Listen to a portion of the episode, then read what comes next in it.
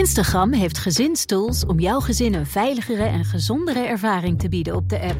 Wanneer tieners hun Instagram-profiel instellen, zorgt standaard privé-accounts ervoor dat wat ze posten privé blijft voor hen en hun volgers. Met een dagelijkse tijdslimiet help je jouw tiener om zich aan gezonde gewoontes te houden op de app. En door toezicht samen in te stellen, krijg je meer inzicht in wie ze volgen. Ontdek meer over deze en andere gezinstools op instagram.com/slash gezinstools. Blijf scherp. BNR Nieuwsradio. Boekenstein en de Wijk. Hugo Reitsma.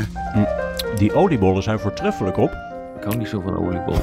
Arend-Jan, schenk jij de glühwijn even in? Ja, ik hou niet zo van gluwijn. Nee, Je mag het alles allemaal op. zelf eh, opeten en opdrinken, eh, Hugo. Ja. Ga je gaan. Gezellig hoor. Even lekker onder ons. Even geen Boekenstein en de wijk op zoek naar de nieuwe wereldorde. Het is een druilerige oudejaarsdag, dus we doen geen uitzending, maar lekker een bordspelletje. Ik hou niet van spelletjes. ik heb zo'n ongelofelijke hekel aan spelletjes, maar goed. Omdat jij het vraagt, doe ik het. Ik heb meegenomen ganzenbord, maar dan natuurlijk geopolitiek. Oh ja. Nou, Ben je er leuk. klaar voor? Ja, we zijn klaar. We zijn klaar. Oké. Ehm, gooi ik voor jou, Arend-Jan. Oké. Oh, 9. Oké, dan loop ik nu naar vakje 9. 6, 7, 8, 9. Daar staat ges- geschiedenis staat er. Geschiedenis. Pak ik voor jou een geschiedenisvraag. Even Oh kijken. jee. De geschiedenisvraag is: Als Poetin Oekraïne kan claimen vanwege de Groot-Rusland-gedachte, welke landen zouden dan ook een claim kunnen leggen op een buurland? Och Ja, dat is niet zo, inge- niet zo ingewikkeld. Nederland een- natuurlijk. Ja, Nederland. Ja, Nederland. waarom- Ja, Nederland Laten, kan zeggen laten, dat. we, laten, we, laten we België Ja. gaan claimen. In ieder geval Vlaanderen. Ja, en ook natuurlijk Engeland. Want onder Willem III hadden we ook, waren we koning van Engeland. Plus het hele empire hadden we er ook bij. En Ja, Zuid-Afrika en, eh, hadden we en- moeten behouden. Ja, en realiseer je wat er nu gebeurt eh, op de westelijke Balkan. Eh, Ja. Waar eh, Servië en Kosovo met elkaar in de clinch liggen. Hmm, Eh, Servië vindt eh, ja, Kosovo de bakermat van hun beschaving. Eh, wat Ja. dat ook mogen wezen, die beschaving. Maar in ieder geval, dat vinden ze. Ja. Dat is allemaal Nou, van de nee, je-. Nee, het is precies. Oostenrijk. Ja, dat is allemaal Oostenrijk. Servië is dan ook Oostenrijk. Ja. Ja. En trouwens, Rusland is dan misschien ook Mongolië vanwege Genghis Khan? Ja, Nou, dat dat is, weet ik niet. Dat gaat wel heel erg lang terug. ja, maar het is wel waar. De Genghis Khan heeft dus gewoon dat, dat die Russen er- erg aangepakt. En trouwens, ook dat Pools-Litouwse Rijk later was machtiger dan Rusland. Rusland is pas vanaf de 15e, 16e eeuw wordt het wat. Oh ja. Ja. Turkije, jongens. eh, Oh eh, ja, het Ottomaanse Rijk. Ja. Het Ottomaanse Rijk, ik bedoel, eh, van eh, Egypte tot, eh, tot diep Europa in. hoor. Ja. Italië ook, heeft dan ook nogal een claim, denk ik, vanwege het Romeinse ja. Rijk. Nou ja, oké. Nou ja. Zo heeft iedereen wel een claim. Kunnen we lang doorgaan. Oké, Rob, jij bent. Oh. Nou, vijf. Dan ga ik eh, nu naar vakje vijf. Mhm. Dit moet hem zijn. G- grondstoffen. Grondstoffen. Oké, een grondstoffenvraag voor jou, Rob. Eh, hier. De mondkapjes zijn opgeborgen, maar we zijn nog voor veel meer dingen afhankelijk van China. Wat zou Siebert nog meer geheel om niet uit China moeten importeren? Nou, bijvoorbeeld, eh, bijvoorbeeld alles wat we nodig hebben voor verduurzaming. Mm, want mhm. eh, China is het land dat eh, de grote exporteur is op het gebied van duurzame materialen. Dus grondstoffen die daarvoor nodig zijn, zoals eh, zeldzame aardes. Maar ook eh, bijvoorbeeld zonnepanelen, onderdelen voor windmolens. Eh, in de toekomst elektrische auto's. Ik bedoel, je ziet steeds meer van die Chinese elektrische auto's hier eh, rijden. Link Co en dat soort toestanden. Ehm, nou ja, dat, dat zou hij eigenlijk allemaal om niet moeten importeren. Hij krijgt het nog druk. De grote vraag is natuurlijk of wij dat zouden willen, want daarmee worden we nog afhankelijker van China. Oh ja. Eh, dus eh, als eh, hij dat gaat doen, dan zal hij ongetwijfeld toch weer via een achterdeur daar het een en ander aan gaan verdienen. Maar het betekent wel dat wij voor die hele verduurzaming steeds afhankelijker worden van China. En dat heeft ook gewoon te maken met het feit dat China een groot deel van die eh, grondstoffen in handen heeft die voor die verduurzamingsindustrie en high-tech industrie nodig zijn. Oh. Oké, mijn beurt. Jeetje. Mm, ah, 12. 1, 2, 3, 4, 5, 6, 7, 8, 9, 10. 12. dictators. Uh, Oh jee. Dictatorvraag. Dat is wel goed, want jij bent de baas van het programma. Dus Zeker. dat is wel Ja. echt een vraag voor jou, eh, Hugo. Mijn dictatorvraag. Dit jaar is hardhandig gebleken hoe gevaarlijk het is om van één dictator afhankelijk te zijn voor onze energie. Je moet diversifiëren. Noem zoveel mogelijk dictators waarmee we zaken kunnen doen voor energie en grondstoffen. Qatar. Ah. Qatar. Ja, gas uit Qatar natuurlijk. Ja. Eh, Saudi-Arabië. Saudi-Arabië. Saudi-Arabië, de sultan van Oman. Oman, oké. Eh, Ah. de- de- jongens, eh, ik zie de aller, aller, allerbelangrijkste. Ja. Xi natuurlijk. Ja. Eh, kijk, in eh, verduurzaming, eh, high-tech gaan, eh, eh, gaan chips. Daar is onder andere palladium voor nodig. Dus eh, Rusland, Poetin, daar Ja. moeten we zaken mee doen. Poetin we moeten ook. ook zaken Ja. doen met de baas van eh, de Democratische Republiek Congo. En dat is toch Lijkt een ook. dictatuur Ja. hoor, ondanks dat Hm. het een Democratische Republiek is. Dat is absoluut een dictatuur. Venezuela, Maar- denk ik. Die hebben toch ook Venezuela, Oh, ja, ja, Venezuela ja, lijkt me ook zeker, een leuke. Zeker, ja. zeker. Ja. Uranium uit Niger en Centraal-Afrika. Oké. Nou ja, eigenlijk komt het erop neer dat eh, we volledig afhankelijk zijn voor een zeer groot. Nee, nee, we zijn niet volledig, maar voor een zeer groot deel van onze eh, aanvoer van eh, essentiële grondstoffen zijn we gewoon afhankelijk van, eh, van autocraten, dictators. Of we het willen of niet. Dus eh, het wordt wel eh, tijd dat we ons dat eens een keer gaan realiseren. Want dit betekent gewoon dat we een beetje vriendelijker moeten worden tegen die dictators. Vind ik ook niet fijn, maar En- dat is en- natuurlijk wel wat, het, wat en wij zullen- hiervan En wij zullen in deze podcast het voorbeeld geven. Er- zal nooit een slecht woord gesproken worden over Poetin, nog over Xi. We zijn gewoon uiterst beleefd. allemaal beste vrienden. Ja, Ja. Ah, jongens, maar eh, ja. we hebben natuurlijk al met het wereldkampioenschap eh, voetbal gezien eh, wat, voor de, wat de gevolgen hiervan zijn. Hè? We hadden echt absoluut LNG nodig Ja. uit eh, Qatar. Dus wel een beetje lief zijn en niet al te veel hamer op die mensen richten. Dat Nee. is gewoon wat je gaat krijgen. Uitstekend. Oké, ik zie dat ik voorsta in het eerste rondje. Waarom? Oh jeetje. waarom Nou, ik had voor? 12 gegooid, dus ik sta, mijn poppetje staat het verst. Ach ja, natuurlijk ja. Oh, ik- dat is ook dat het ging om foute goede, goede antwoorden. ja. Nee, je moet gewoon winnen door aan het eind te komen. Door naar de tweede ook- ronde. Dan ga ik ook heel goed gooien hoor. Ja, Oké, Arjan. ja, ik hou niet van spelletjes, ik speel ze ook nooit, dus zelfs niet ganzenbord. Of Nou, je, je doet het goed hoor. Arjan, ik gooi voor jou weer. 12. Oké. Ha. 2, 3, 4, 5, 6, 7, 8, 9, 10, 11, 12. Oh oh.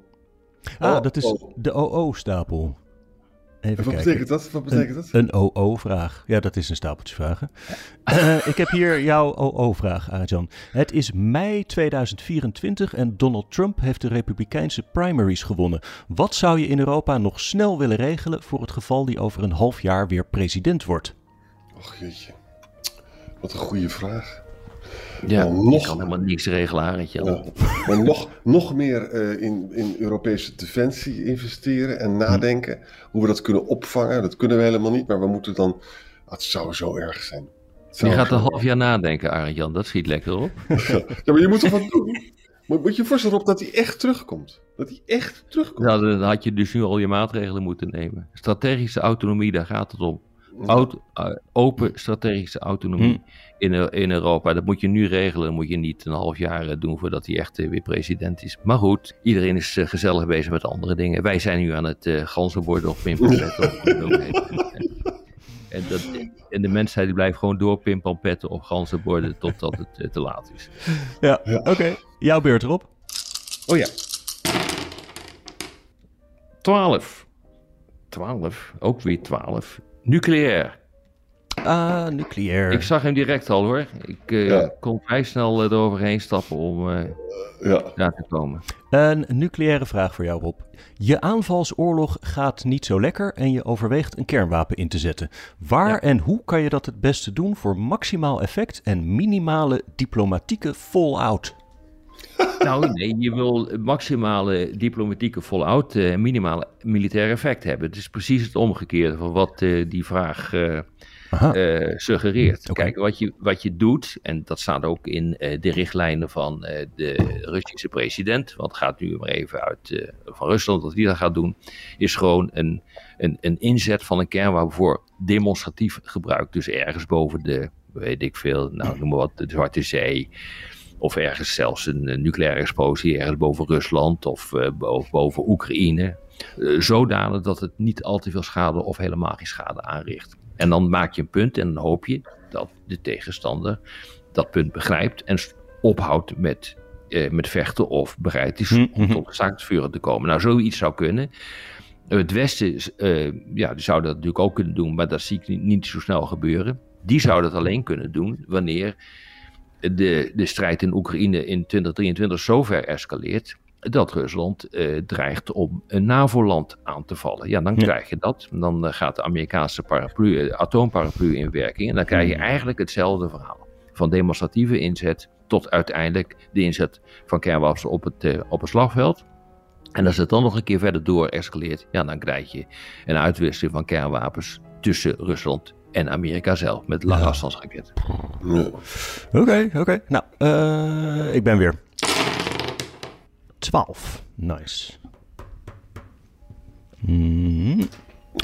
Keuzes. Keuzes is mijn vakje. Daar ben ik altijd slecht in. Keuzevraag. Eh, het, Je bent- denk liever na. eh. Ja, ik, denk, ik kan nooit een keuze maken.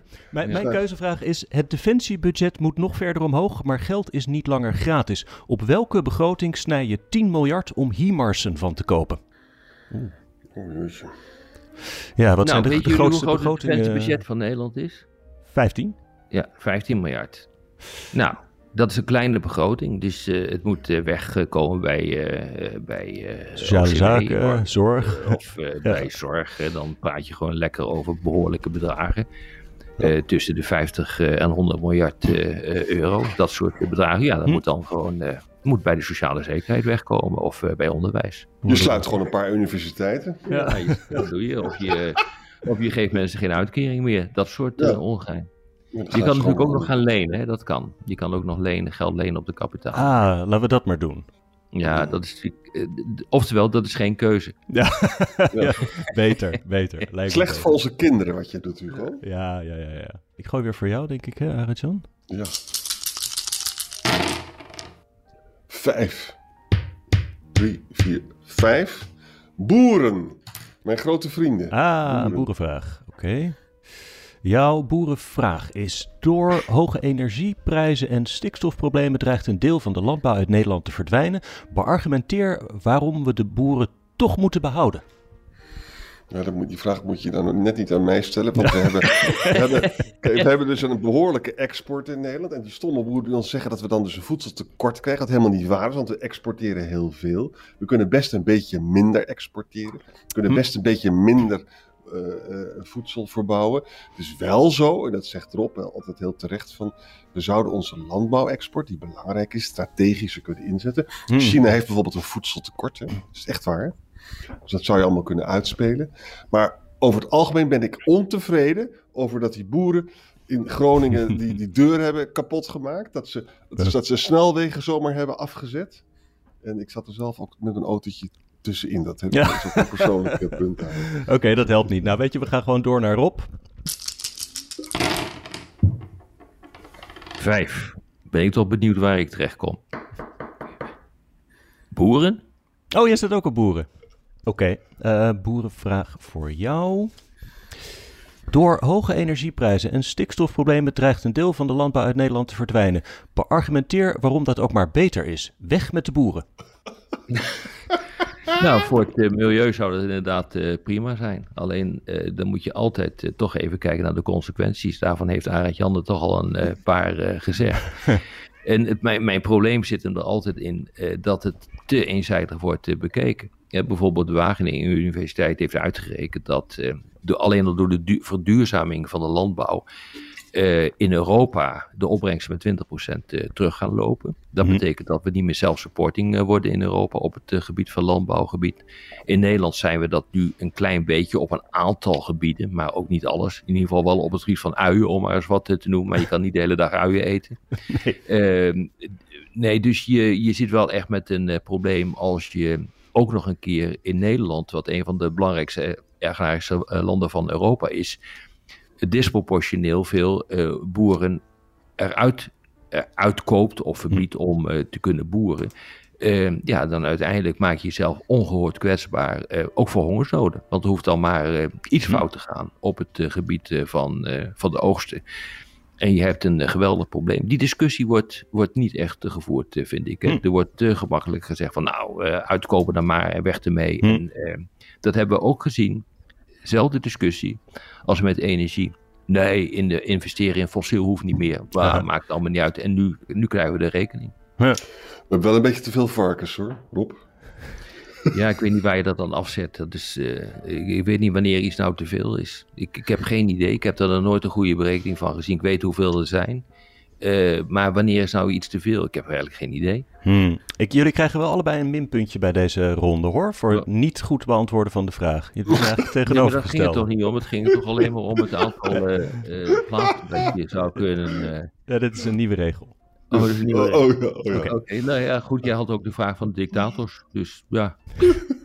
Oké, mijn beurt. Zes. De Wig. De Wig. De Wig. Ja, Weg. ja, dat is het stapeltje kaarten genaamd De Wig. En daar is mijn vraag.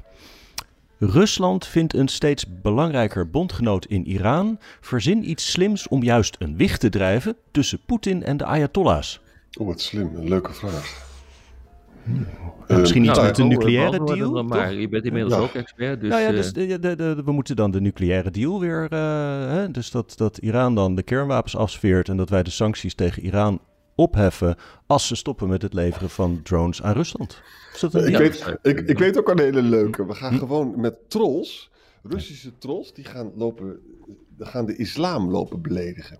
En dan worden de Ayatollahs zo boos dat ze geen drones meer leveren. ja, dat zou je kunnen doen, eh, Arend-Jan. Ja. Creatief. Nou, heel creatief. Het eh, zal allemaal niet gaan werken, maar eh, heel creatief hoor. Oké, Arend-Jan is weer. Drie, hè? Nou, dat is makkelijk. 1, 2, 3. Polarisatie, daar ben ik goed in. Ik ben echt Ah. goed in polariseren. Een polarisatievraag voor jou. Let op. Nederlanders maken zich steeds grotere zorgen om polarisatie. Je wil daarom aardiger zijn voor andersdenkenden. Maak vijf complimenten aan Thierry Baudet of ga terug naar af. Oké, nou Thierry Baudet is, behalve dat hij de grootste denker is eh, van in Nederland, is het een geweldige pianist. Hm. Zijn vader is zelfs een concertpianist. Eh, hij komt uit een familie van hugenoten en die hebben ons land rijk gemaakt. Mhm. De jongen is gepromoveerd, ontzettend knap allemaal. Eh, en verder heeft hij een hele leuke vrouw getrouwd. En hij schrijft de mooiste romans die er ooit zijn geschreven. Ja, ja. Geweldig. Oké, uitstekend beantwoord. Gaan we door naar Rob. Alle mensen. 18. Wauw. Krijgt hij het voor elkaar? 18. Ik zeg er helemaal. eh, volgens mij eh, win ik nu. Nou, ik ga. eh, ik zie het wel ongeveer gebeuren. Dit is hem ongeveer. Corona. Ah, een coronavraag natuurlijk. Eh, jouw corona... Oh, deze is... Je coronastrategie heeft gefaald en de economie stort in. Ga drie plaatsen terug. Sorry. Het is een monopoliespel geworden. Dan dacht ik dat ik eigenlijk eens een keer won, want ik ben nooit met spelletjes. Dat is ook de reden waarom ik het niet eh, aan mee wil doen. Dan krijgen we dit weer. Nou ja. Oké, dan ga ik weer. 9. Energie. Energievraag. Mijn energievraag is: het gas is op en de voorraad houdt ook. Het is koud in huis, dus je moet de kachel stoken met behulp van de boekenkast. Welke schrijver gaat er als eerste aan? Het proefschrift van Thierry Baudet. Die heb ik hier niet staan. Ik heb hier. nou, mijn eh, eigen boeken. Mijn eigen boeken. Ik heb Want hier wat staan van nog in mijn computer. Ja. Het is wel een aardig stapeltje. Krijg ik het wel mee warm, denk ik. Ik heb hier in de, in de boekenkast of zo. nog een ongelezen exemplaar staan van Martin Bosma's De schijnelite van de valse munters. Ik Oh weet ja, niet waarom ik dat gelezen. ook heb ge- Ik heb het nooit gelezen, is het wat? Nee. Nou ja, goed. Als je gewoon propaganda en eh, rare eh, redeneringen wil volgen, dan is dit wel ideaal. Daar hou ik wel van. Maar ik denk dat het ja. dan Martin Bosma wordt. Ik heb Mein Kampf heb ik hier staan. en ik heb allemaal boeken over Hitler, ook die ik eigenlijk vreselijk vind. Ik vind het gewoon een vreselijke man. Gooi ik er ook gewoon in. Oké, Maar dan, maar dan wordt het moeilijker. nou, het is een prima antwoord. Ja. Gaan we door naar jou weer, Arjan? Oh ja. Tjue, 16. Lekker. Let op. 16. Defensie. Ah, Defensie weer. Eh, defensievraag. Jouw defensievraag is: Nederland heeft de laagste sneuvelbereidheid van Europa. Hoe krijg je Nederlanders weer bereid om te vechten voor het vaderland? Nou, dat is heel makkelijk. We gaan gewoon in alle klaslokalen gaan we de verwarming uitzetten. dan kunnen we dus die kinderen, die jonge kinderen, kunnen we harden. Gewoon, hups, idee, in je onderbroek in de klas en dan eh 15 graden. Dan krijgen we echte kerels weer. We gaan ook tegen de meisjes zeggen, geen gezeur, jullie gaan er ook gewoon in, in de, in, in de krijgsmacht. Eh, we verbieden eh, snoep nog verder te verkopen in de winkels. we moeten gewoon Ja, het volgens mij gaat het allemaal nooit lukken, Jan. Het is allemaal prachtig. Maar dit, is, dit was al een van de redenen waarom eh, Michiel de Ruiter ten onder ging. Eh, die het water op werd eh, gestuurd eh, met eh, schepen die het niet goed deden. En Hm. wist dat hij niet meer kon winnen op een gegeven ogenblik. Eh, nee, dit zit zo diep in de genen van Nederland. Dat passagiers. Maar we hebben wel een grote bek. Ja, we weten altijd wel precies hoe anderen het moeten doen. En het is toch een schande dat de Amerikanen niet meer wapens leveren. Ja, dat is- Dat is Nederland. Dat is Nederland. Gaan we door naar de ronde voor Rob. 18. 18, ja, ik, ik zie het. Keuzes. Ja, ik zal wel weer worden teruggezet. En keuzevraag. Keuzevraag voor Rob. Let op. Eh, de wereld is harder geworden en je kunt in je buitenlands beleid niet meer varen op mensenrechten alleen. Welke mensenrechten kunnen wel weg? Eh, de- democratie als ik dictator mag worden. Oké. Oh ja, dat is natuurlijk een goede. Ja. Weet je, het is ook zo van, kijk, mensenrechten daar ben ik wel een groot voorstander van. Maar je moet er gewoon eerlijk bij zeggen dat het mensenrechtenbeleid is het moeilijkste beleid dat er is. Eh, en dus je moet zeggen van, maar ik weet niet of ik het echt goed kan bevorderen. Als je zo eerlijk zou zijn, dat zou wel heel wat zijn. Want in Nederland gaat iedereen ervan uit dat als je mensenrechtenbeleid hebt, dat het ook heel geweldig uitpakt overal. Oké. Dat is ook niet zo. Nou ja. Ik ga weer 10. 1, 2, 3, 4, 5, 10. Lessen. Ik sta op lessen. Een lessenvraag voor mij is: Je bent een sterke man en kijkt met afgrijzen naar de slechte oorlogsprestaties van je collega in het Kremlin. Welke lessen trek je uit het verloop van de strijd in Oekraïne? Nou, zeg het maar, eh, Hugo. Dat, mooi. dat zal ik zo het wel kunnen. Misschien dat je als dictator niet altijd goed geïnformeerd bent over de kwaliteit van je strijdkrachten, omdat mensen dat niet tegen je durven te zeggen. Dat is een goede. Ja, Dat dat is, denk dat is een. Ja. goede. Ja. Ja. En misschien ook wel dat de reactie van het Westen toch wat onvoorspelbaar is. Want soms doet het Westen eigenlijk niks. Zoals eerder bij de inname van de Krim en de Donbass. En soms is het ineens eh, alles er tegenin. Ja, dat Dat klopt. lijkt me ook Ja, een, dat klopt. eh, Daar wordt vaak een fout meegemaakt. Ben Laden heeft er ook een fout meegemaakt. Die dacht, die Amerikanen doen helemaal niks als ik eh, een paar vliegtuigen in de, de Twin Towers in New York boor. Nou, dat is hem wat tegengevallen, want uiteindelijk heeft het hij het met de dood moeten verkopen. Ja. En eh, dat hebben we natuurlijk ook gezien in begin jaren negentig, van de, eh, Saddam Hussein eh, die Kuwait binnenviel. Dat is ook niet best verlopen voor hem. De Amerikanen kwamen en schopten hem eruit. Dus onderschat nooit de democratie. hey, hartstikke gezellig. Maar voor de radio moeten we alweer afronden. Het duurt altijd Nou. lang zo'n spelletje. Maar we hebben nog een ronde te gaan.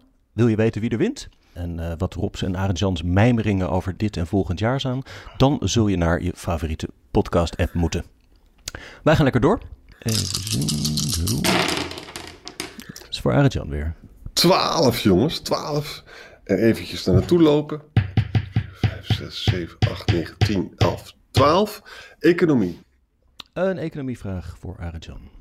Italië kan door de gestegen rente zijn staatsschuld niet meer betalen. Ga je dokken voor de Italianen of dan maar liever de euro uiteen laten vallen?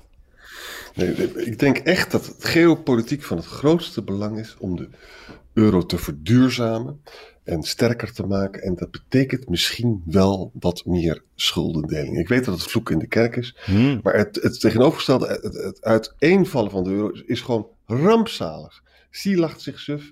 Poetin die komt helemaal niet meer bij en die schekt nog een extra eh, fles champagne leeg. En de Amerikanen vinden het stiekem eigenlijk ook wel leuk als de euro niet zo sterk is. Nee, ik, eh, ik kies voor een sterke euro. En dat betekent misschien wel dat we ook een beetje moeten, schulden moeten delen. En denk jij erop dat dat ook gaat gebeuren als er weer zo'n crisis komt? Ja, dat denk ik wel, ja. Ja, ja zeker. Zeker in de geopolitieke situatie waarin we nu eh, zitten. Ja, ja. Gaan we dat gewoon doen, kosten wat het kost. Omdat, eh, ja, dit is, eh, eenheid is nu eh, geopolitiek zo ontzettend belangrijk ten opzichte van Rusland en, eh, en China. Dat dat een absolute voorwaarde is. Nou, helder. Gaan we weer naar een vraag voor jou. Zes, zes heb je op. Ja. 1, 2, 3, 4, 5. zes keuzes. Keuzes, ja, staat weer op. Keuzes. Keuzevraag voor Rob is dit. Poetin wil best met je praten zonder voorwaarden vooraf. Wat ben je bereid om op te geven in de onderhandelingen voor vrede in Oekraïne? Ja, dat is, uh, is, een goede vraag. Dat zou wel eens een keer uh, die twee volksrepubliekjes kunnen zijn: Luhansk en Donetsk en uh, de Krim. Want daar wonen een hele hoop Russen. En die gaan het Westen, en zeker niet Oekraïne, met vlaggetjes en toeters ontvangen. Ja. En dat zou me niet verbazen als dat in 2023 ook een uitkomst is van het hele proces. En de rest van Oekraïne dan bij de NAVO? Zou me niet verbazen. Ik denk dat, dat uh, die keuze moet nog worden gemaakt binnen de NAVO. Maar ja, dat kan bijna niet anders, omdat Oekraïne, althans wat er nog van over is, uh, dat moet veiligheidsgaranties hebben. Dat kan je op verschillende manieren doen. Maar nucleair speelt daar een belangrijke rol. En dan kom je al vrij snel uh, bij de Amerikanen, dus bij de NAVO terecht. En bovendien, als je nou Poetin wil sarren en laten zien dat hij echt een mega verlies heeft geleden, dan moet je Oekraïne zo snel mogelijk bij de NAVO uh, ja. halen. Ga ik doen. 14. 1, 2, 3, 4, 5, 6, 7, 8, 9, 10. Ha! Ik ben er. Ik ben op de finish. Allemachtig, je hebt gewonnen. Ik heb gewonnen. Jongen, jongen, jongen, jongen. Waarom geloof ik? Je, je speelt gewoon vals. Ja, je kan het toch zien? Kijk, dat is, dat is, ik, heb, ik heb in het begin gezegd dat ik niet veel spelletjes had. Pimpelpet, onze bord en dat soort dingen. Dat komt altijd omdat mensen vals spelen. Nou, lekker hoor. De laatste dag van het, uh, van het oude jaar word je hiermee weer uh, mee geconfronteerd. Hey Rob, jij zei, jij zei net wat, uh, wat dingen over uh, ja, wat je misschien hoopt voor, uh, voor volgend jaar. Nu we dus elkaar ja. zo op Oudejaarsdag spreken. Arjan, wat heb jij nog wensen die je de mensen mee kan geven? Kijk, weet je, de ellende is van als, als de uitkomst zou zijn hè, van deze afschuwelijke oorlog, waar zoveel mensen het leven hebben gelaten, dat dus Poetin de, die twee republieken behoudt, hè, Donetsk en Lugansk, maar ook de Krim, dan betekent het natuurlijk wel dat hij eigenlijk niet gedupeerd wordt voor zijn agressieve gedrag. Hè? Hm. En dat heeft ook iets heel onbevredigends. Dus ik hoop zelf een beetje dat, uh, dat de Donetsk en Lugansk nog wat kleiner worden. Ja. Maar, maar ik weet het ook helemaal niet. Maar kan. Ik, hij wordt natuurlijk niet echt beloond voor zijn uh, gedrag als de rest van Oekraïne bij de NAVO komt. Dat is waar. En dan ja. is hij precies dat gekregen wat hij niet wil. En dat zou me niet verbazen hoor. Dat dat nee, ook niet. Nee, ook volgend, nee. volgend, jaar. maar goed, ik bedoel, uh, één ding is moeilijk. Uh, Yogi Beer wist het ook al en Mark Twain ook. dat voorspellen moeilijk is, vooral daar waar het de toekomst betreft. en ja, dat, dat zie je hier dus ook. Hè. Dus als je logisch denkt, dan kom je op dit soort conclusies uit. Maar dat wil nog niet zeggen dat, dat het ook waar is. Ja. Ik, ik, hoop alleen één ding, eh, dat in 2023 eh, die oorlog in ieder geval ten einde komt. Want dit is gewoon... Uh, het is vreselijk. Het is, het is verschrikkelijk, de, het kost te veel mensenlevens. Het is een oorlog die gewoon niet meer op deze manier van deze tijd is. Het, hoewel het, die zich wel voortrekt volgens de wetmatigheden die we tot nu toe hebben gezien. Oh. En weet je, het ellende van dit soort oorlog, als je dus een, een, een padstelling hebt, dan gaan er heel veel mensen dood en er gebeurt niks. En daar word je helemaal gek van. een beetje ja. het somme-effect heb je dan. Hè? Nou, ik hoop daar... wat dat betreft een wens voor 2023 dat mensen wat, eh, toch wat meer nadenken en uh, wat minder met hun gevoel dit soort conflicten ingaan. Dat geldt voor de Russen. Maar dat geldt feitelijk ook voor ons. Hè? Want uh, als je gewoon de balans opmaakt van dit jaar. En dan is er niet uitgekomen wat heel veel politici, maar ook heel veel mensen die we tegenkomen op Twitter menen uh, dat er moet uitkomen. Namelijk, uh, de sancties moeten heel hard gaan bijten. Nou, tot nu toe is dat niet gelukt. Ik hoop uh, dat ze inderdaad in 2023 wat harder bijten. Maar we moeten nog echt zien of dat daadwerkelijk gaat gebeuren. de wapenleveranties hebben niet voor een snelle overwinning van Oekraïne kunnen, kunnen zorgen. Dus een beetje meer realisme in de verwachting zou voor 2023 wel heel erg goed zijn. En wat we ook kunnen hopen, jongens, dat deze vreselijke oorlog hè, kan, er ook, kan ook leiden tot matiging van andere partijen. Bijvoorbeeld dus zie ten aanzien van Taiwan, hè, want is het wel zo verstandig, zo'n bloedige invasie. En, en bijvoorbeeld dus in Kosovo, hè, in Kosovo en Servië is het dus zo dat de roadblocks zijn nu weggehaald. Dus kennelijk durven ze toch geen oorlog aan. Ja. Huh? Dat Nou, laten het toont voor de zoveelste keer aan dat een Ja. grootschalige agressieoorlog, dat dat gewoon niet goed werkt. En Ja. eh, kijk, je kunt zeggen van eh, dit is heel erg uniek, maar in de ogen van de Russen of de Taliban is eh, de interventie van Amerika en de NAVO en een aantal andere coalitiepartners in, in Afghanistan was ook gewoon een, een agressieoorlog. Ja, dus ja, denk niet dat dit nou zo uniek is, dus wat, eh, wat Poetin doet. Dit is iets wat we heel vaak eh, hebben gezien, maar dat geldt ook voor een aantal andere interventies. Bijvoorbeeld eh, die van de NAVO in Libië in 2010-11. Eh, daar is Ja. dat feitelijk ook gebeurd. Niet met grondtroepen, maar met, met luchtstrijdkrachten. En realiseer je, en wat dat betreft hoop ik dat dat nu echt eens een keer een besef is dat blijft, blijft doorklinken. Als je een interventie gaat uitvoeren, dan gaat het heel vaak fout. Ja. Ook al heb je nobele doelstellingen zoals humaniteit of het brengen van democratie, het meeste gaat gewoon fout.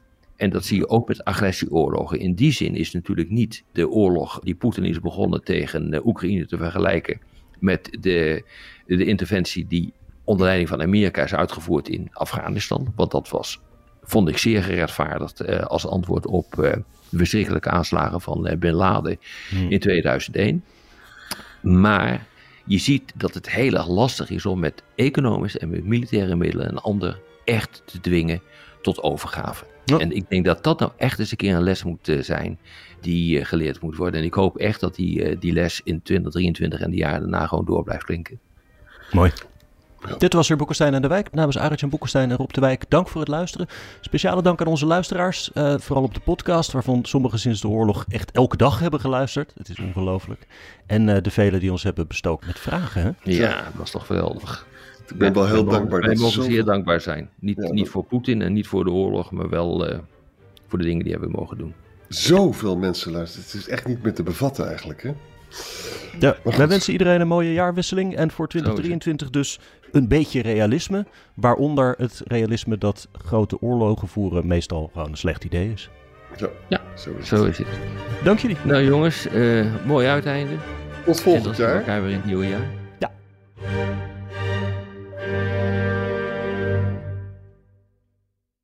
Instagram heeft gezinstools om jouw gezin een veiligere en gezondere ervaring te bieden op de app. Wanneer tieners hun Instagram-profiel instellen, zorgt Standaard Privé-accounts ervoor dat wat ze posten privé blijft voor hen en hun volgers. Met een dagelijkse tijdslimiet help je jouw tiener om zich aan gezonde gewoontes te houden op de app. En door toezicht samen in te stellen, krijg je meer inzicht in wie ze volgen. Ontdek meer over deze en andere gezinstools op instagram.com/gezinstools.